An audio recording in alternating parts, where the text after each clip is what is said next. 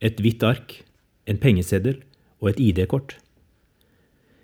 Det er et vers fra andre krønikebok som har fulgt oss kristne i Egypt de senere år, sier den evangeliske lederen broder Mikael til oss.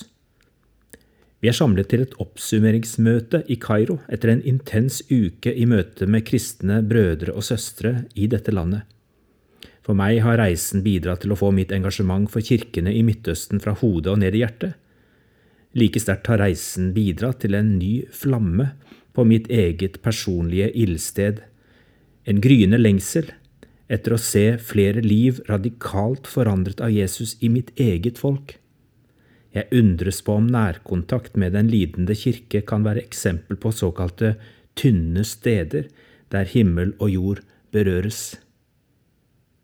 Hvis da dette folket som mitt navn er nevnt over, ydmyker seg og ber, søker meg og vender seg bort fra sine onde veier, skal jeg høre dem fra himmelen, tilgi dem syndene og lege landet.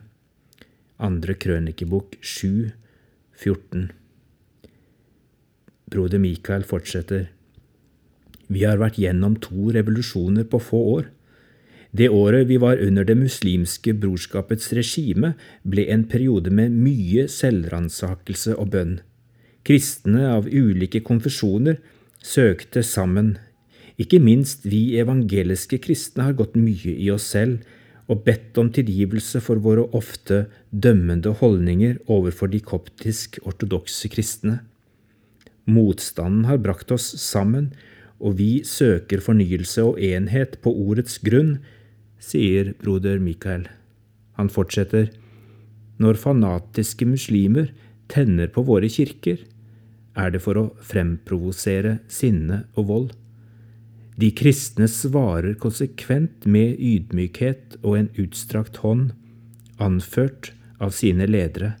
I første omgang framstår det som svakhet, og det skaper forvirring blant de muslimer som ikke forstår et slikt språk, men mange har også sett hvilken kraft det ligger i det kristne budskapet om forsoning og tilgivelse. I stillhet søker nå mange til kirkene. Broder Mikael plukker opp et hvitt ark og holder det frem. Dere har merket at det er mye støv i Egypt. Gatene i Kairo er fulle av det. Luftforurensningen er intens, og langs veiene sørover har dere fått merke sandstøvet fra ørkenen. Hvis jeg hadde latt dette arket ligge på gulvet én dag, ville det blitt dekket med et støvlag. I Egypt vasker vi husene hver dag for å holde støvet borte.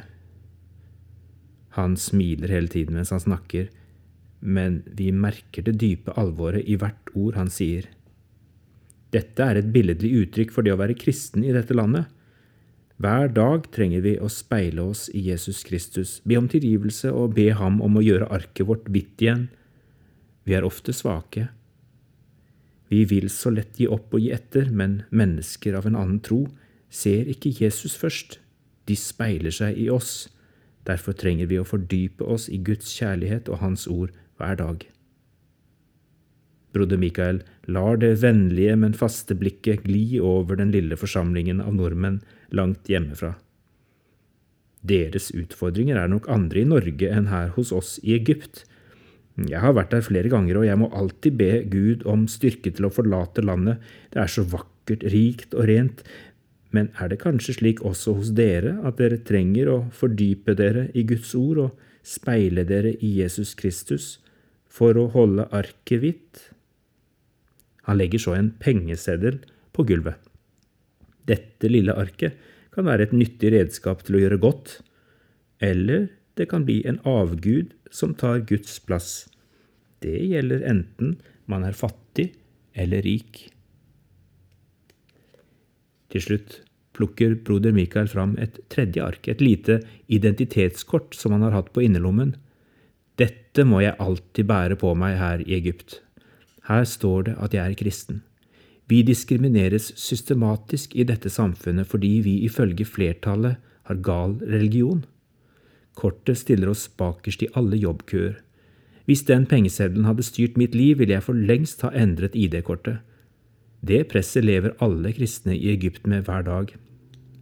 Men presset driver også mange til Bibelen og det den sier. Der leser vi at lidelse og forfølgelse skal følge den som tror, og vi erfarer lidelsens velsignelser, for det er en dyp sammenheng mellom lidelse og velsignelse. Som norsk teolog melder den rasjonelle innvendingen seg raskt hos meg. Skal vi forsøke å skape mening i all lidelse? Likevel merker jeg at broder Mikael taler med autoritet. Han lodder dypt i troens verden. Jeg tenker på den tyske lutherske teologen Didrich Bonhoeffer, som tumlet med de samme tankene under motstanden fra naziregimet. Han skrev i kraft av sin lidelse gir Kristus alle som ikke skammer seg over fellesskapet med hans kropp, den uendelig store nåden det er å kunne lide for ham. Han kunne ikke gitt sine egne noe herligere enn dette.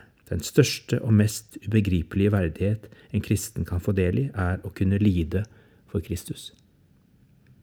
Broder Mikael nærmer seg en avslutning på sin symbolmettede, lavmælte samtale med oss. Han lar pengeseddelen ligge, men plukker opp det hvite arket og ID-kortet og holder det foran seg. Derfor klynger vi oss fast til det som står i våre identitetskort, og søker Guds ledelse for våre liv her i Egypt. Vi ber Jesus om å holde våre ark rene, Han som kom til verden for å dø på et kors og gjøre våre synder hvite som snø. Som på alle våre møter med egyptiske søstre og brødre stiller vi oss i ring og ber til slutt. Men broder Mikael nøyer seg ikke med at vi ber for ham og hans folk. Han vil også be for oss og Norge. Dette er bønnen han ber en bønn med profetisk kraft som følger meg videre på min åndelige reise. Jeg ber for Norge. Jeg ber for et land som har sendt så mange misjonærer til andre land. Jeg ber om at ditt nærvær skal falle over dette landet. Jeg ber om at dine barn skal komme nærmere og samle seg i ydmykhet, skrike ut og søke ditt ansikt. Led dem bort fra onde veier hør deres rop i din himmel, helbred deres land. Herre, jeg ber, for ingenting er umulig for deg. Takk for alle dem du har beholdt i dette landet, som ikke har bøyd seg for avgudene. Jeg ber om at du bringer dem sammen i en bønnenes ånd, preget av anger og ydmykhet, og at Kirken i Norge samler dine barn og søker en vei ut av sine problemer og konflikter. Jeg ber for dette landet. Besøk Norge. Vi stoler på din tilgivelse og nåde, din renselse i Jesus Kristus, forløsning for synder og overtredelser. Vi priser deg, Herre, for du er her. Du lytter alltid, og du vil alltid være her for oss. Amen. Lavmælt samtale. Ta fram et hvitt ark og hold det framfor deg. Hvordan ser ditt livsark ut? Be Gud om å vise deg om det er støv som skal vaskes bort i Jesu blod, så arket på nytt kan bli hvitt som snø. Hvilke tanker gjør du deg om de to andre arkene broder Mikael la på gulvet, pengeseddelen og ID-kortet? Fins det situasjoner der også vi må velge? Hvordan kan nærkontakt med den lidende kirke være et tynt sted for berøring med Gud selv?